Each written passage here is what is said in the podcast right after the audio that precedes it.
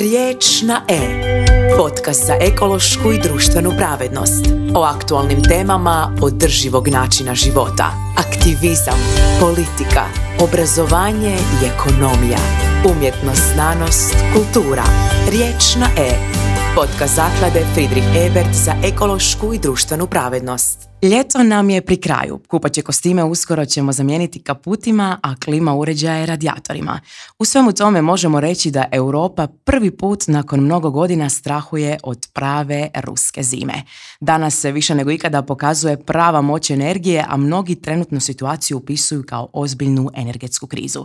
O tome danas razgovaramo s ravnateljem REGE i savjetnikom predsjednika za energiju i klimu Julijem Domcem. Julije, dobrodošli u naš podcast. Hvala lijepa, hvala na pozivu, dobar dan našim slušateljima. Kako ste? Vjerujem da danas ima u uistinu posla više nego ikada, ili smo u kriju? Ma, mi energetičari ironiziramo i volimo reći da je ovo zlatno doba.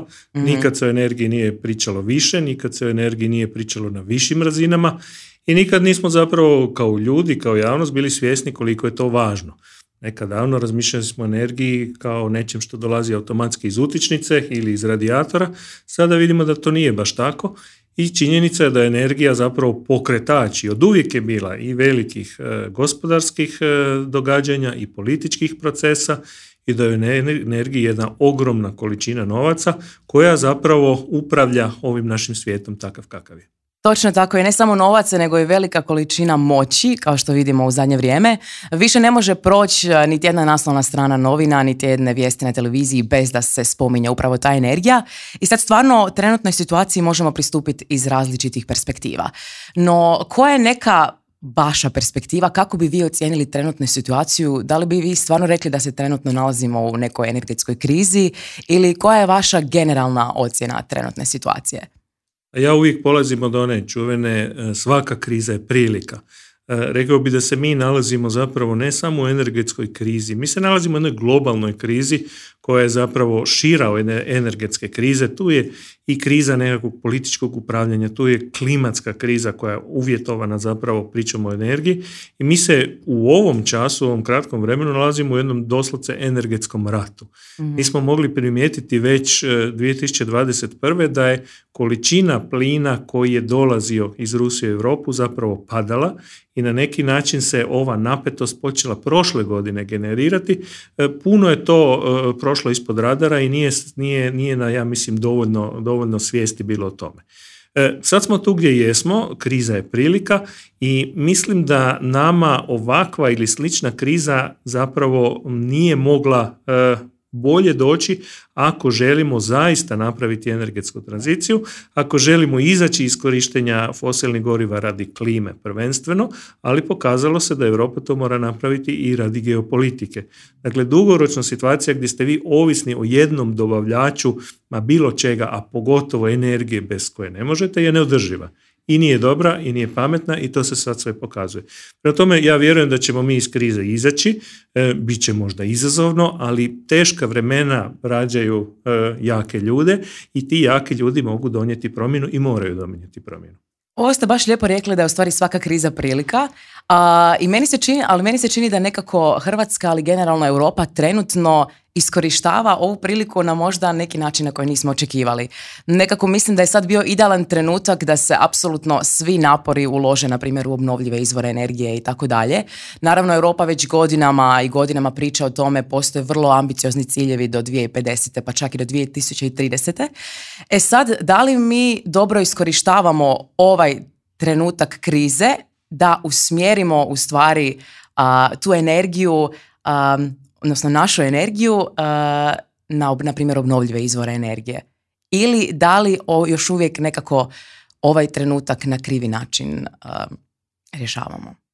Pa, mi u Hrvatskoj, govorimo prvo o našoj razini, e, još uvijek nismo dovoljno svjesni da imamo sjajan prirodni potencijal obnovljivih izvora energije i da je to najbolja budućnost koju Hrvatska može imati. Dakle, e, nije to čudno, naravno, e, mi smo na neki način do sada bili, ja to volim reći, zarobljeni e, ruskim plinom. Da.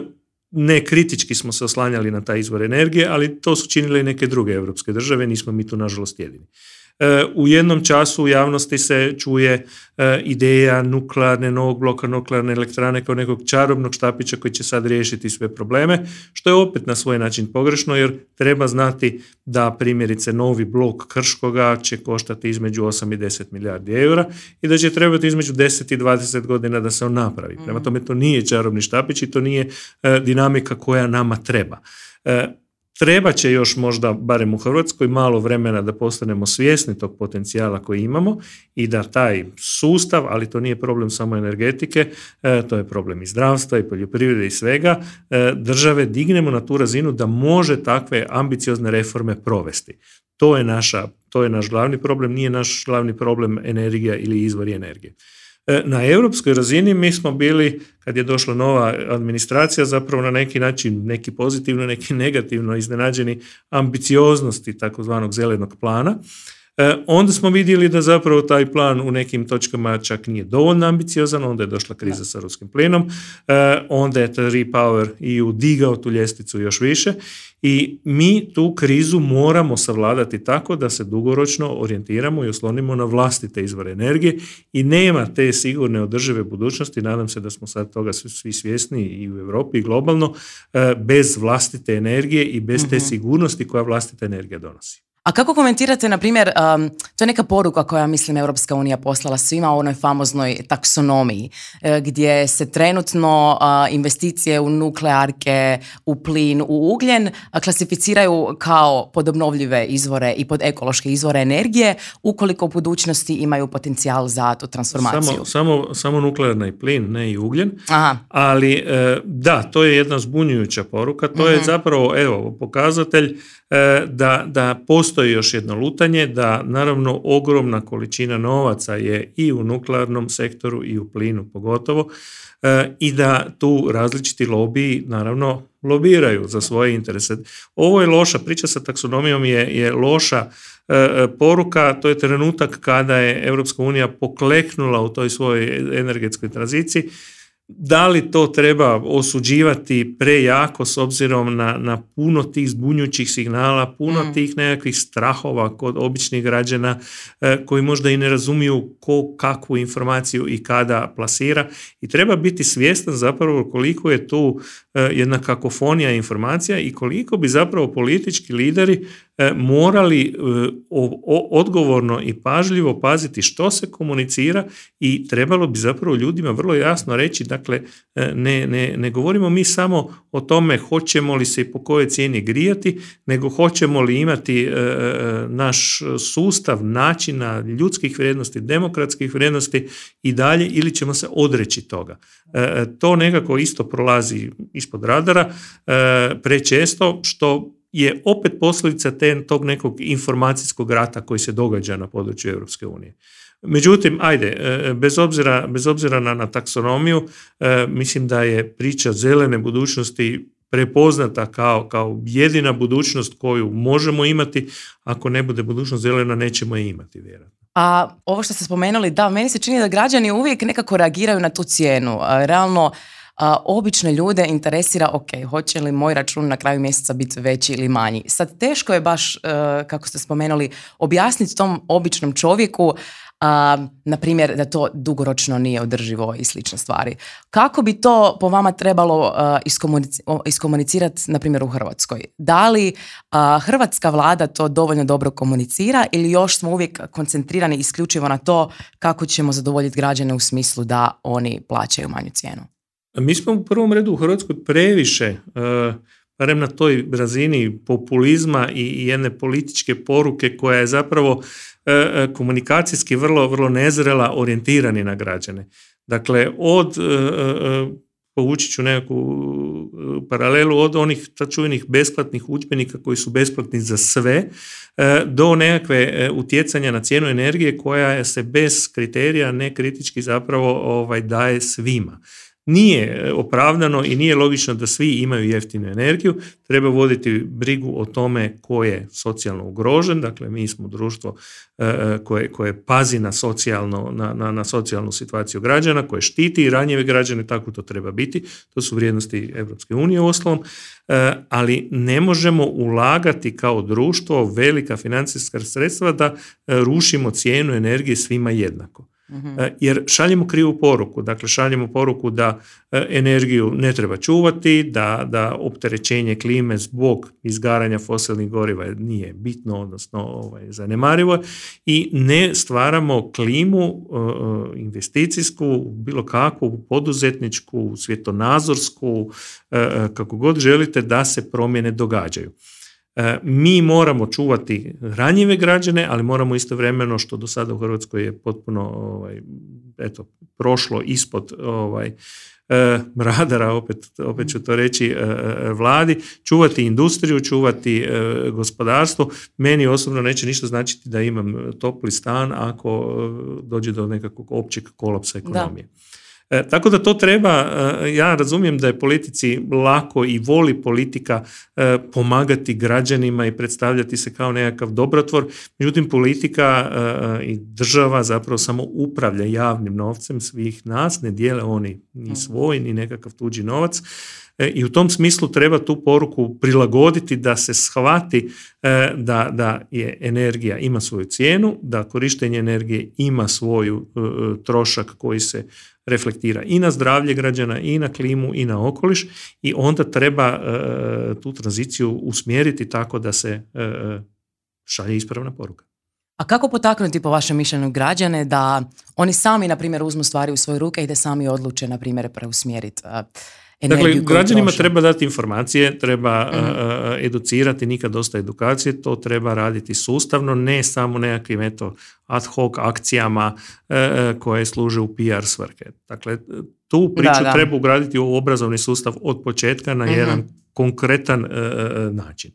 U drugom koraku treba stvoriti financijski okvir da E, cijena energije, pogotovo kod građana, ne bude više toliko regulirana. Hrvatski građani zapravo plaćaju jednu od najjeftinijih cijena električne energije u Europi, što je pogrešno jer mi imamo situaciju da u kontinentalnoj Hrvatskoj onda se e, nikako ulaganje u sunčane elektrane naprosto ne isplati. Da, to. E, ako se ono ne isplati, neće se događati.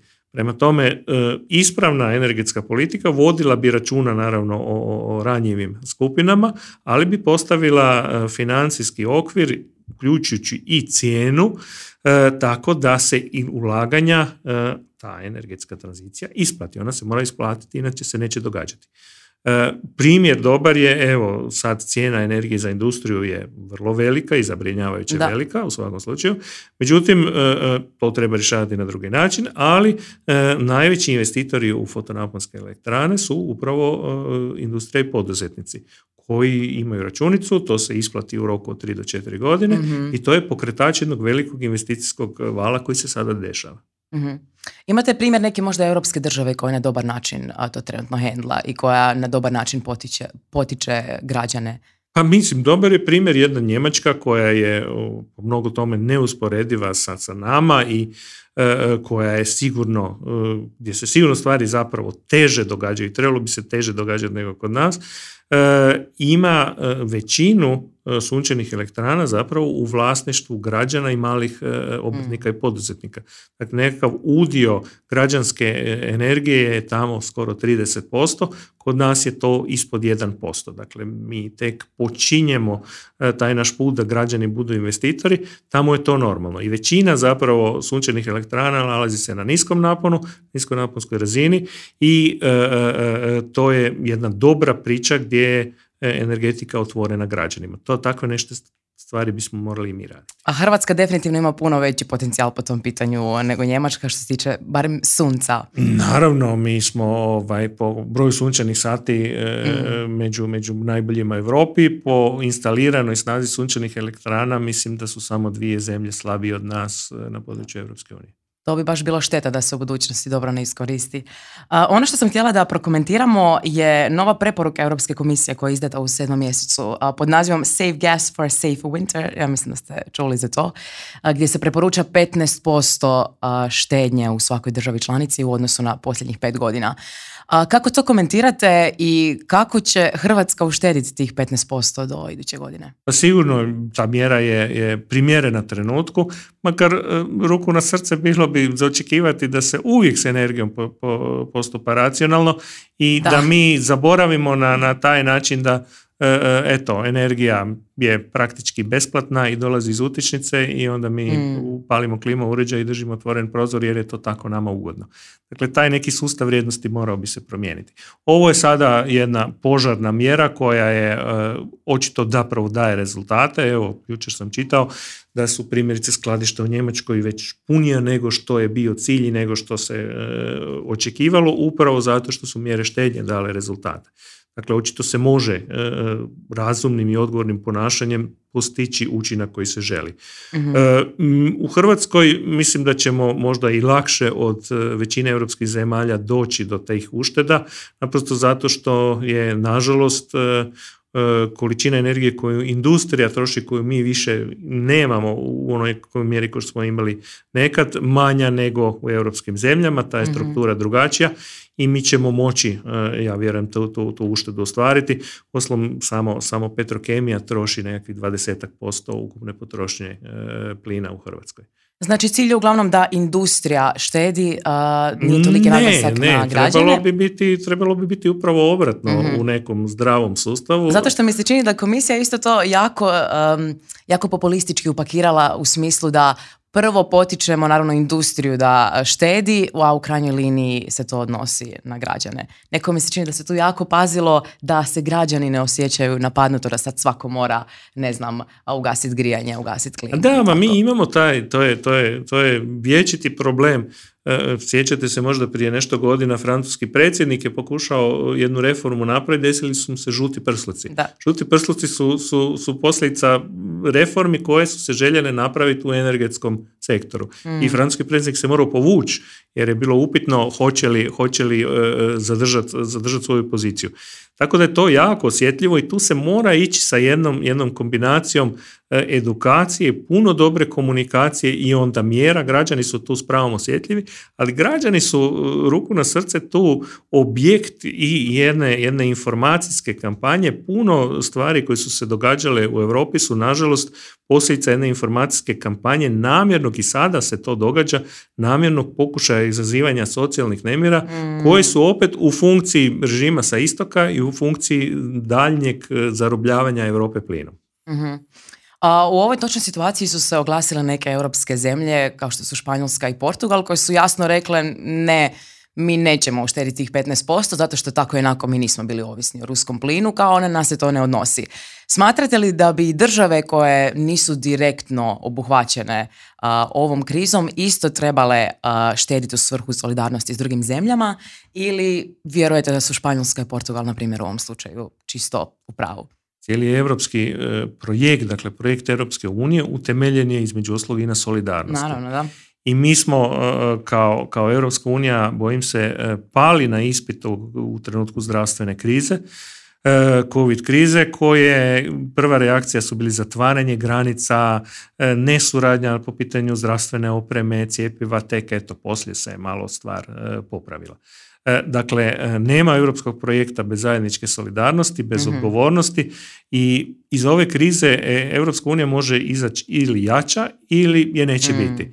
Dakle, nisu ovo, vremena za pocijeniti i mislim, nadam se da će eto, te političke elite u zemljama članicama naći razuma da, da, da shvate da, da jedino suradnja i zajedništvo tog jednog malog dijela kad gledamo globalno svijeta e, koji se zove Europska unija može nas održati zajedno i može nas održati na ovoj razini kvalitete života koje mi eto smo postigli i želimo zadržati. mm Mi smo jedna, jedan, jedan butik dio, dio svijeta e, gdje su prava, demokracija, prava pojedinca, prava manjina, zdravstvena prava sasvim drugačija nego mnogdje, mnogo, mnogo, mnogo e, drugdje u, u, svijetu. I toga bi trebalo biti svjesni svjestan i čovjek kad e, malo eto, putuje po, po svijetu, onda shvati koliko je zapravo život u Europi drugačiji. Naravno, da.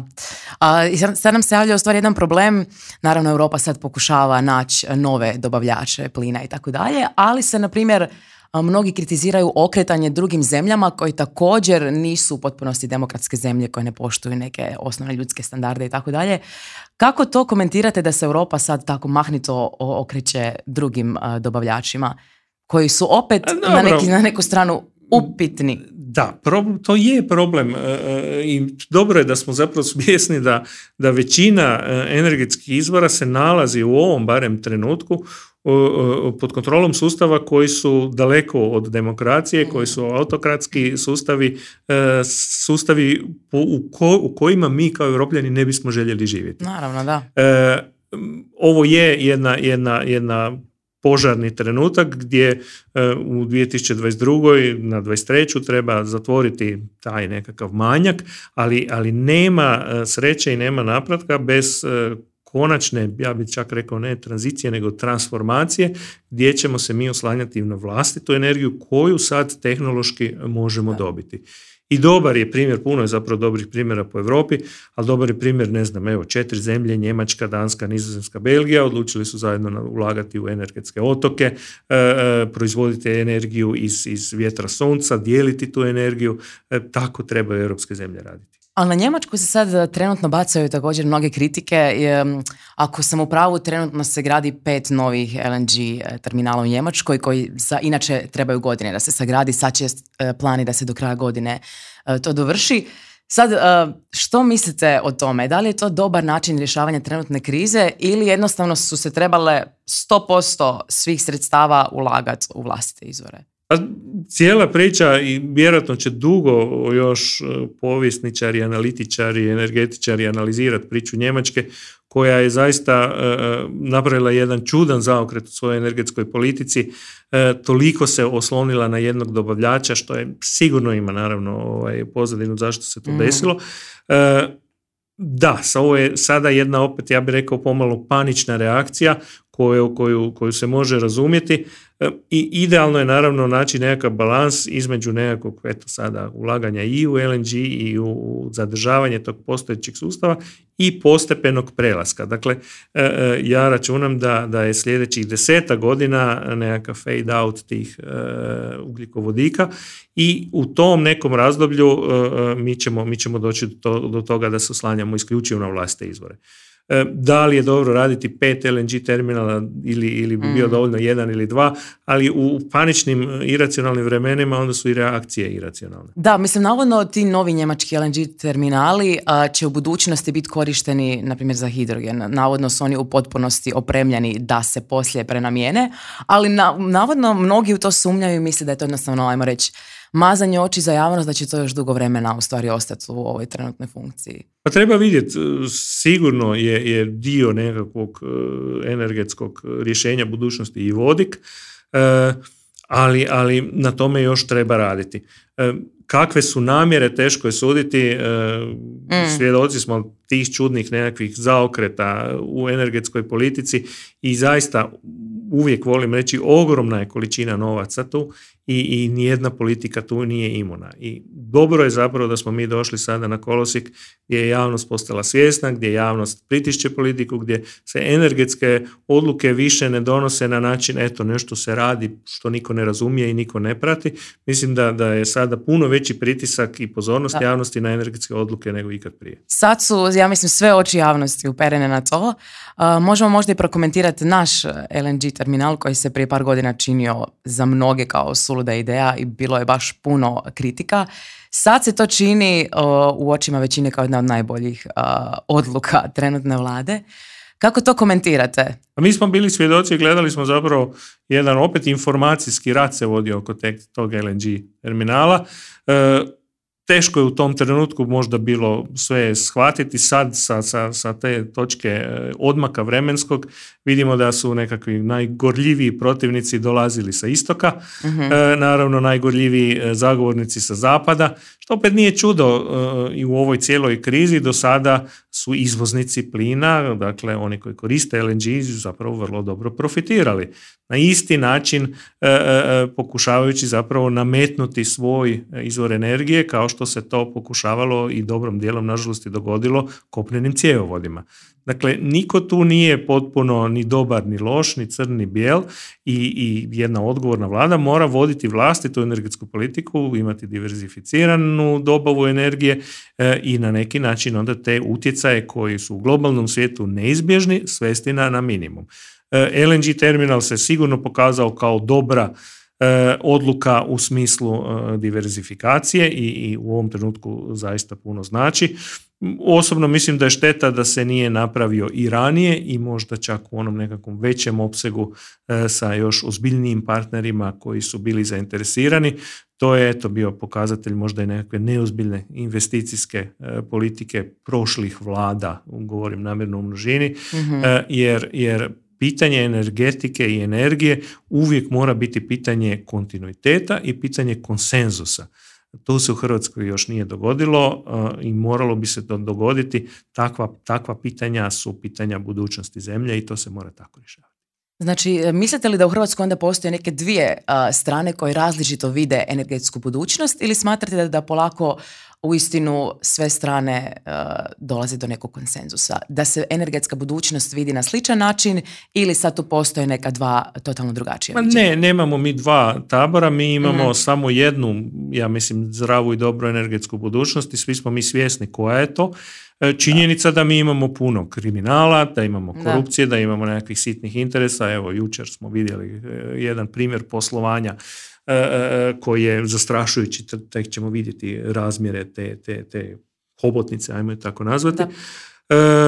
Dakle, mi imamo puno takvih, vjerojatno i više takvih sitnih, bjednih, bizarnih pljačkaških kombinacija, ali nacionalni interes i nacionalno dobro je samo jedno. I svi smo mi svjesni, sad je pitanje tko od nas želi to postići i želi se to podmetnuti da bi se to dogodilo.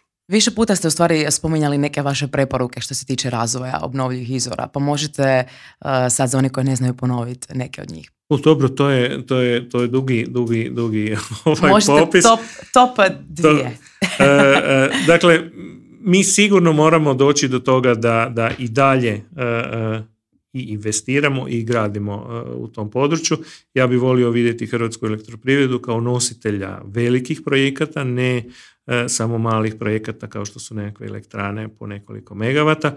Volio bi vidjeti e, izgradnju reverzibilnih hidroelektrana, volio bi vidjeti jednu novu inu koja po meni se treba desiti nakon nekakvog možda eto, daj Bože, sretnog razvoda ovog nesretnog braka sa molom, koja će biti nositelj inovativnih investicija u fotonaponske elektrane, u vodik, u, novu energetsku infrastrukturu i volio bi vidjeti širom otvorena e, vrata za naše građane e, koji bi morali imati priliku ulagati, imati vlastitu energiju, to je najbolji mirovinski fond koji svakom građaninu možemo omogućiti i poželjeti.